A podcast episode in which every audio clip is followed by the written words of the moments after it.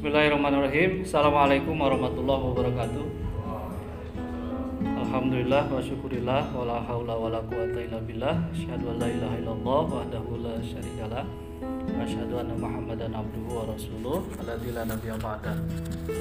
Yang pertama kami ucapkan terima kasih kepada ICRC, Pak Domini, Pak Nas, Pak Nobri, Pak Jezen dan kawan-kawan yang lain kemudian juga ke panitia dari UIN ya yang sudah mengundang kami Eh, terima kasih atas kesempatan yang diberikan pertama kami memperkenalkan diri di antara peserta di sini mungkin eh, kami satu-satunya ini dari kependidikan tadi di dikenalkan oleh ini Ibu Dr. Sumaryati M. Hum ini Kaprodi eh, PPKN UAD eh, sebelum saya. Jadi beliau kaprodinya, saya hanya pengganti bu ya, hanya pengganti kaprodi.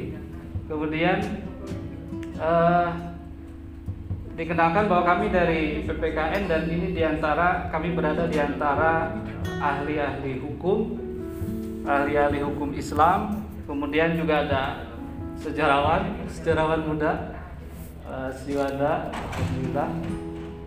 Karena itu saya ingin uh, berbagi sebelum masuk kepada bagaimana kami di uh, program studi PPKN Pendidikan Pancasila dan Kewarganegaraan UAD uh, melaksanakan hukum humaniter internasional dan hukum Islam.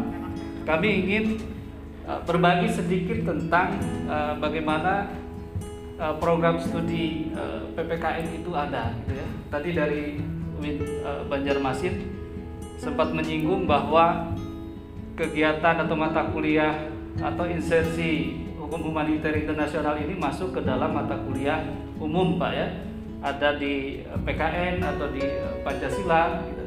mungkin Bapak Ibu termasuk dari Surabaya tadi menyampaikan ini pesan negara yang membuat beban struktur kurikulum kami menjadi uh, cukup besar gitu ya. Tetapi mau tidak mau memang PKN Pancasila bahasa agama itu muatan wajib kurikulum Pak ya itu plat merah itu. Tidak bisa apa tidak bisa dihindari. Mau tidak mau harus diselenggarakan. Karena kurikulumnya apa peraturan perundang-undangannya e, memang demikian e, mengaturnya. Ya termasuk program studi e, PPKN tetapi bagaimana sebenarnya program studi PPKN itu? Nah kami ingin berbagi karena tadi sebenarnya hampir sama dengan apa yang disampaikan oleh Pak Muhsinun ini yang apa yang banyak berinteraksi bahkan yang mengenalkan kami di eh, PPKN dengan uh, eh. Terima kasih Pak Muhsinun sebelum akhirnya hijrah ke Stainu dan Iainu Kebumen ya. Uh, sebelumnya menemani kami Pak di di UAD. Ya. murtad ya. Kalau murtad terlalu keras. Oh, keras ya? Hijrah. Oh, oke oke oke. Hijrah yang lebih enak. Ya. Ini beberapa hal yang akan kami sampaikan. Pertama tentang sekilas tentang PPKN UAD, kemudian bagaimana dengan kurikulum PPKN UAD. Tadi uh, Pak Tahir sudah banyak menyampaikan tentang kurikulum uh, eh, MBKM. Kemudian bagaimana hukum Islam dan HHI dalam kurikulum PPKN UAD karena yang biasa kita bicarakan ini Pak Nas tadi juga saya sampaikan yang biasa kita bicarakan diundang dari UAD itu adalah prodi PPKN uh, untuk kepentingan mata kuliah hukum humaniter. Padahal di prodi kami sendiri itu ada mata kuliah hukum Islam dan itu yang belum banyak didialogkan antara hukum Islam dengan hukum humaniter internasional di prodi kami. Kemudian dari PMR ke HHI ini uh, barangkali hanya sekilas saja dan peluang dan tantangan walaupun tadi sudah uh, Prof Jaka sudah uh, apa mengawali diskusi tentang peluang dan tantangan ini dan sudah banyak sekali uh, masukan usulan-usulan dan pandangan-pandangan dari Bapak Ibu semua. Bapak Ibu ini program studi kami PPKN ada di FKIP Fakultas Keguruan dan Ilmu Pendidikan. Concern kami adalah melahirkan lulusan sebagai calon pendidik guru bidang PPKN di sekolah. Jadi Bapak Ibu sekarang mata pelajaran di sekolah itu namanya PPKN. Jadi kalau banyak berita perlu ada diajarkan Pancasila, perlu dikuatkan lagi PPKN. Sebenarnya sudah ada mata pelajaran itu, itu ya. Hanya yang biasanya yang menyampaikan itu yang tidak melihat bagaimana di sekolah ada mata pelajaran PPKN. Dianggapnya tidak ada mata pelajaran Pancasila, padahal PPKN include di dalam di dalam apa Pancasila itu include di dalam mata pelajaran eh, PKN atau PPKN di sekolah. Kami sudah berdiri sejak tahun 87 walaupun mahasiswa sudah mulai kuliah tahun 85 86 Bu ya. Uh, jadi ini kita hitung berdasarkan surat keputusan uh, mulai terdaftar ya. Dulu masih statusnya terdaftar. Kami dari IKIP Muhammadiyah Yogyakarta yang tahun 94 berubah menjadi uh, Universitas Ahmad Dahlan. Kemudian eh, kami akreditasi A mudah-mudahan ini kami sedang PEPA Pak. Kalau kemarin eh, kalau dari UIN akan mengajukan ISK konversi dari A ke unggul. Nah kami ini ada ada problem kemarin karena perpanjangan tidak otomatis harus masuk ke pemantauan dulu. Tahap satu tidak lolos masuk tahap 2 PEPA sekarang kami sedang menunggu hasil. Apakah perpanjangan otomatis atau masuk ke tahap 3 eh, tahap 3 visitasi Pak. Mudah-mudahan tidak masuk tahap 3 ini sedang menunggu dua minggu ini kami sedang menunggu hasilnya. Universitasnya A. Belum di ISK ke unggul belum. Baik.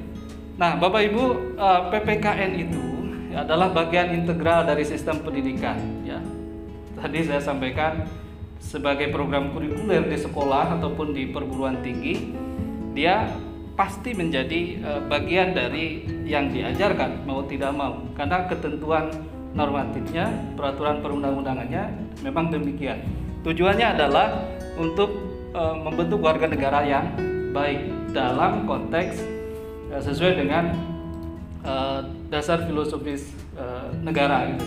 jadi warga negara yang baik sesuai dengan dasar-dasar filosofis dan nilai-nilai yang dikembangkan di sebuah negara. Kemudian secara konseptual PPKN baik yang kami kelola di program studi itu sebenarnya ada pada tiga ranah. Satu dia ranah e, domain kurikuler. Ini yang biasa kita pahami sebagai mata pelajaran di sekolah. Apa pun namanya. Sekarang PPKN. Sebelumnya ada PKN. Sebelumnya lagi eh, apa?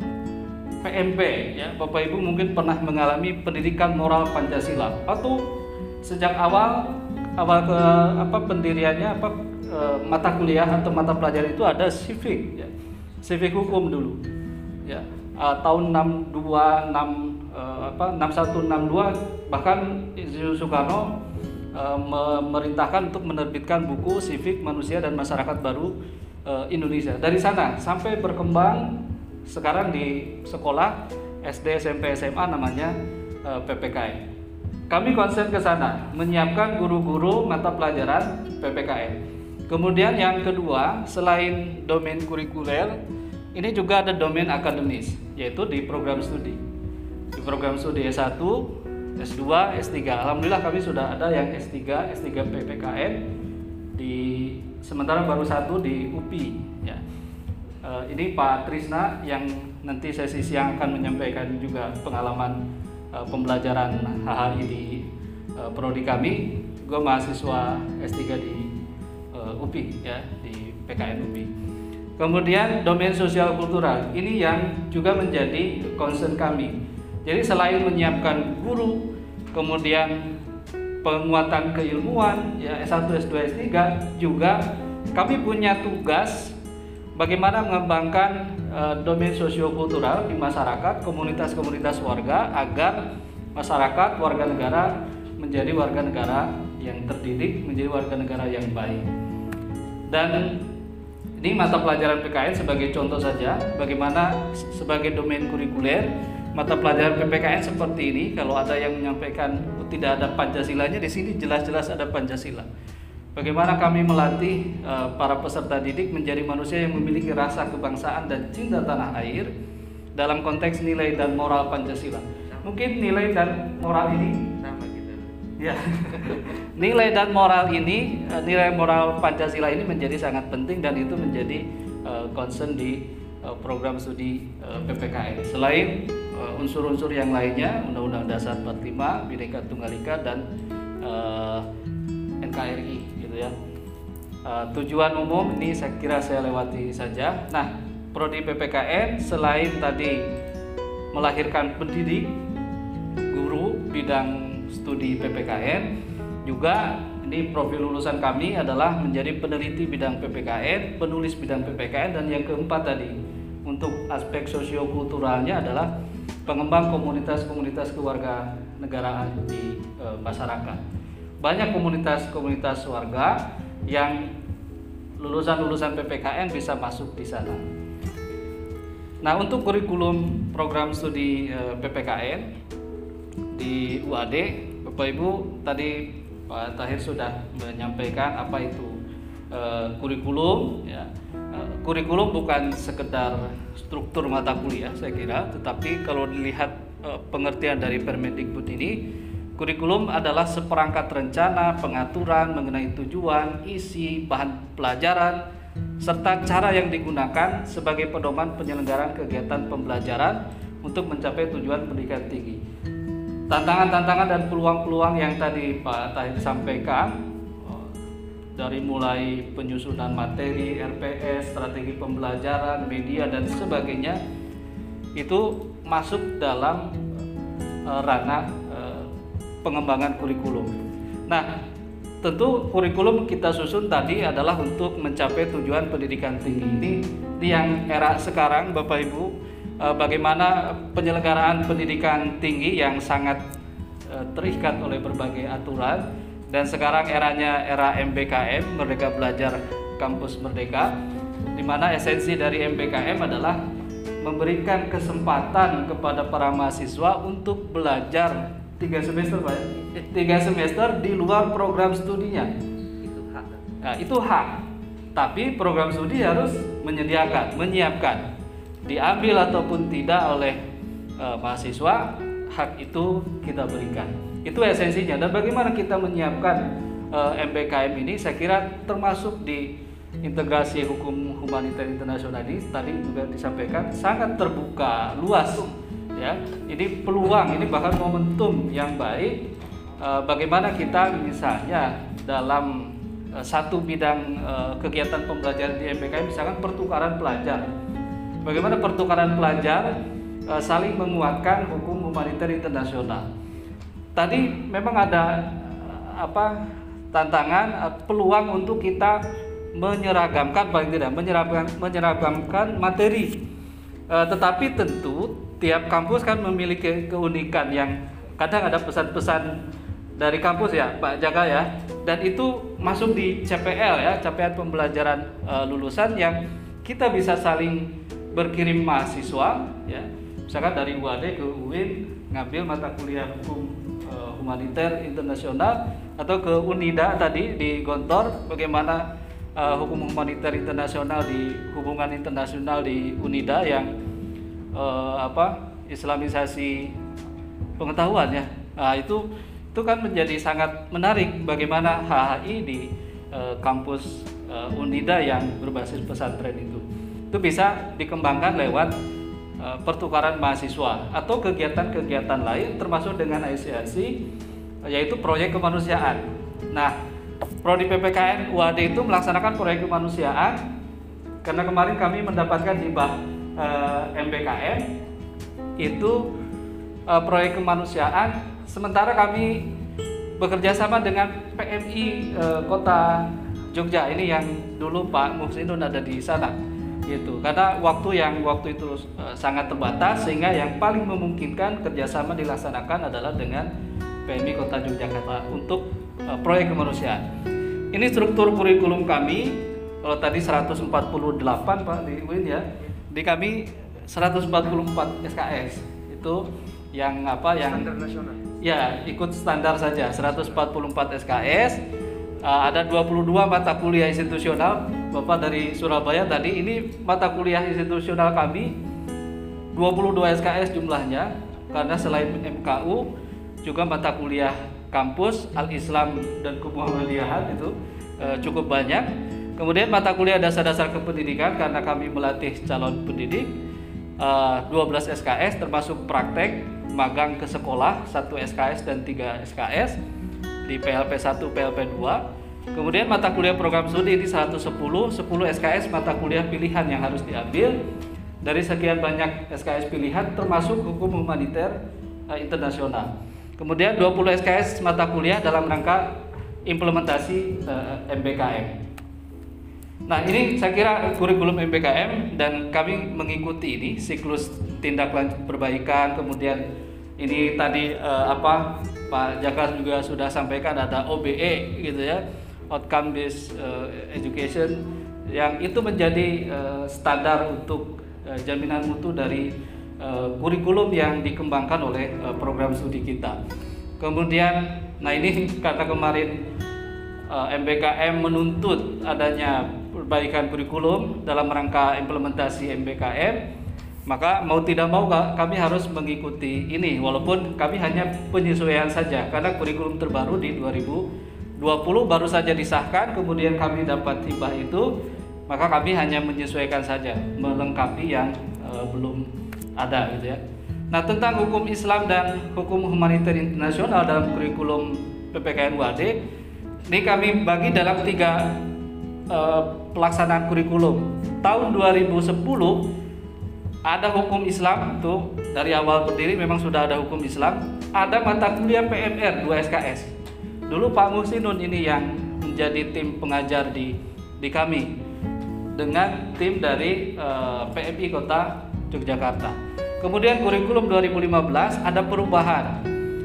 Hukum Islam tetap ada hukum humaniter dan kepalang merahan karena kami sudah berkenalan dengan ICRC. Waktu itu dibawa oleh Pak Musinun, kemudian Pak Freddy itu mengisi pelatihan tentang akhlak kemanusiaan di uh, program studi kami. Maka begitu 2015 kami gabungkan itu hukum humaniter dan kepalang merahan 3 SKS, satu uh, eh, SKS untuk praktek. Kemudian di 2020 kepalang merahannya hilang masuklah hukum humaniter internasional.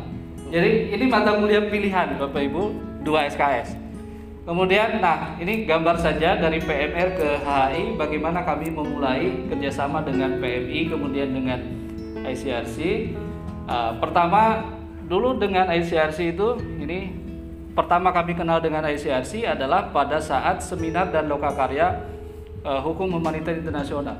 Di sini tentang hukum Islam, HHI dan nilai Pancasila. Ada tiga uh, pembicara dari ICRC, dari dosen Fakultas Hukum UAD, ini sekaligus juga dosen hukum, uh, dosen hukum Islam dan dari uh, UG, UGM Profesor Sujito.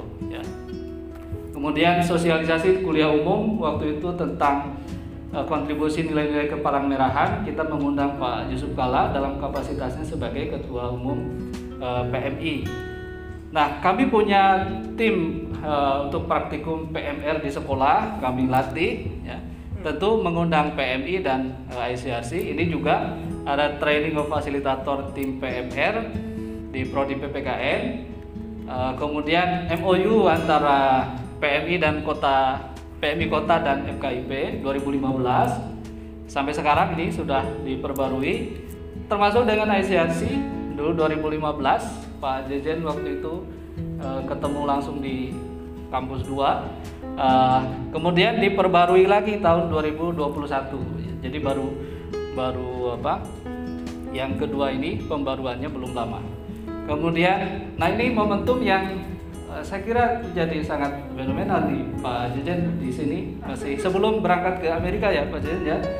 Kita di Solo 4 sampai 8 Oktober 2015 pelatihan akhlak kemanusiaan bagi pendidik muslim dan pada saat itu kami mengen mulai mengenal modul akhlak kemanusiaan. Ini Pak Krisna ini sampai sekarang makanya dikenal sebagai Henry Dunannya uh, Indonesia karena ada praktek berperan sebagai Henry Dunan dan baik sekali. Ya Pak Pak Nobri ya. Pak Henry Dunannya Indonesia. Kemudian uh, di, setelah itu diikuti oleh pelatihan-pelatihan yang lainnya bukan hanya untuk du, apa dosen guru tapi juga untuk mahasiswa uh, termasuk kuliah hukum humaniter di 2016 kami ini Pak Freddy jadi sudah melibatkan ICRC Jadi kami tidak sendirian, ada ada ICRC juga. Kemudian pelatihan akhlak kemanusiaan bagi tim PMR ini di University Hotel Jogja. Ini di sini pelatihan akhlak kemanusiaan bagi pendidik muslim 2016. Ini Pak Musindun juga ada ya. Pak Novri jelas ada. Ada rapat koordinasi implementasi modul akhlak kemanusiaan di sekolah. Nah, gitu. Ini di sekolah, prakteknya di SMA Muhammadiyah 6. Ada FGD insersi untuk guru-guru. Ada pelatihan eh, apa? Eh, lomba akhlak kemanusiaan. Nah, ini antara UAD dengan Yainu ya. Yang menang ya Inu ya. Kalah. Tapi UAD juga ada menangnya, tapi nggak nomor satu. Ya. Kemudian ah, terakhir yang kita laksanakan luring adalah workshop insersi akhlak kemanusiaan ke dalam mata pelajaran eh, PPKN di 2019. Setelah itu masuk pandemi dan baru ketemu lagi eh, hari ini. Waktunya sudah habis, tapi saya ada dua ini lagi, dua saya, saya sampaikan dulu. Peluangnya ini perkembangan kurikulum prodi PPKN yang dinamis dan terbuka, terbukti dari mulai PMR, hukum humaniter dan kepalang merahan sampai ke sekarang hukum humaniter eh, internasional, apalagi dengan MPKM. Kemudian ada kerjasama dengan ICRC yang sejak 2015 sampai sekarang itu peluang yang sangat besar untuk terus menyebarluaskan hukum humaniter internasional.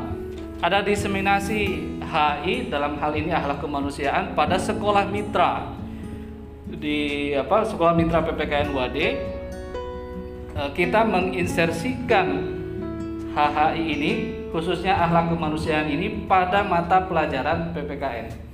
Kemudian tersedia mata kuliah hukum Islam di kami, kemudian hukum internasional, termasuk juga hubungan internasional sebenarnya, dan pendidikan resolusi konflik walaupun ini pilihan yang menjadi dasar serta memperkaya hukum humaniter internasional di kampus Islam. Tantangannya adalah, nah ini tantangannya karena kami di kependidikan, bagaimana merancang HHI ini untuk kepentingan calon guru PPKN di sekolah, ya.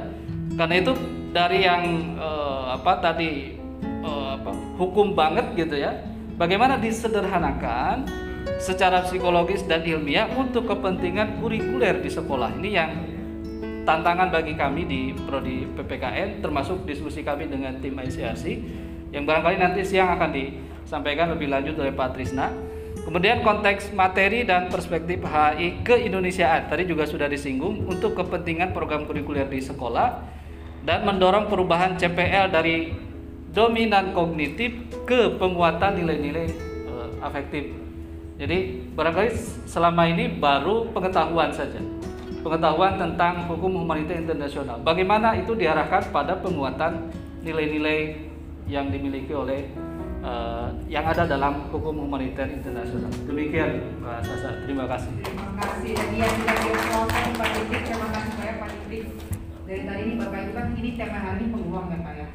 Saya ini sebelah sebagai tanda kutip orang baru dan yang sebetulnya sok tahu mau mencari-cari peluang untuk mencari persamaan dari tadi sebetulnya apa yang bisa disamakan dan ini berangkat dari premis yang salah juga seakan-akan mau mencari persamaan dan sama cocok-cocokin ketemu jalan keluar ternyata kan sebenarnya gitu dan persamaannya sebenarnya agak sulit juga karena persamaannya justru beban berat ya. Dari Titi, Dikbud, ada kampus merdeka ini yang udah dua tahun ya kira tiga tahun. Dari 2020. 2020. dua tahun kira-kira. Ya itu tuntutan yang berat dan perbedaannya ya justru banyak gitu. Ada yang dari yang fokus yang sangat pendidikan ada yang mungkin sangat hukum, sangat fisik, sangat filsafat dan sebagainya macamnya jadi eh, cara cari jalan tengahnya nggak akan instan bapak ibu dan mungkin nanti memang penjembatan saja ke sesi selanjutnya nanti terkait ada beberapa panduan mungkin terkait kurikulum atau bahkan mungkin tidak untuk masalah integrasi mungkin insersi atau bentuk lainnya transformasi mungkin nanti akhiran jadi anak manusia dan tadi ya banyak opsi tapi mungkin saya juga mau memancing juga kalau misalnya ada pertanyaan dari bapak ibu untuk silahkan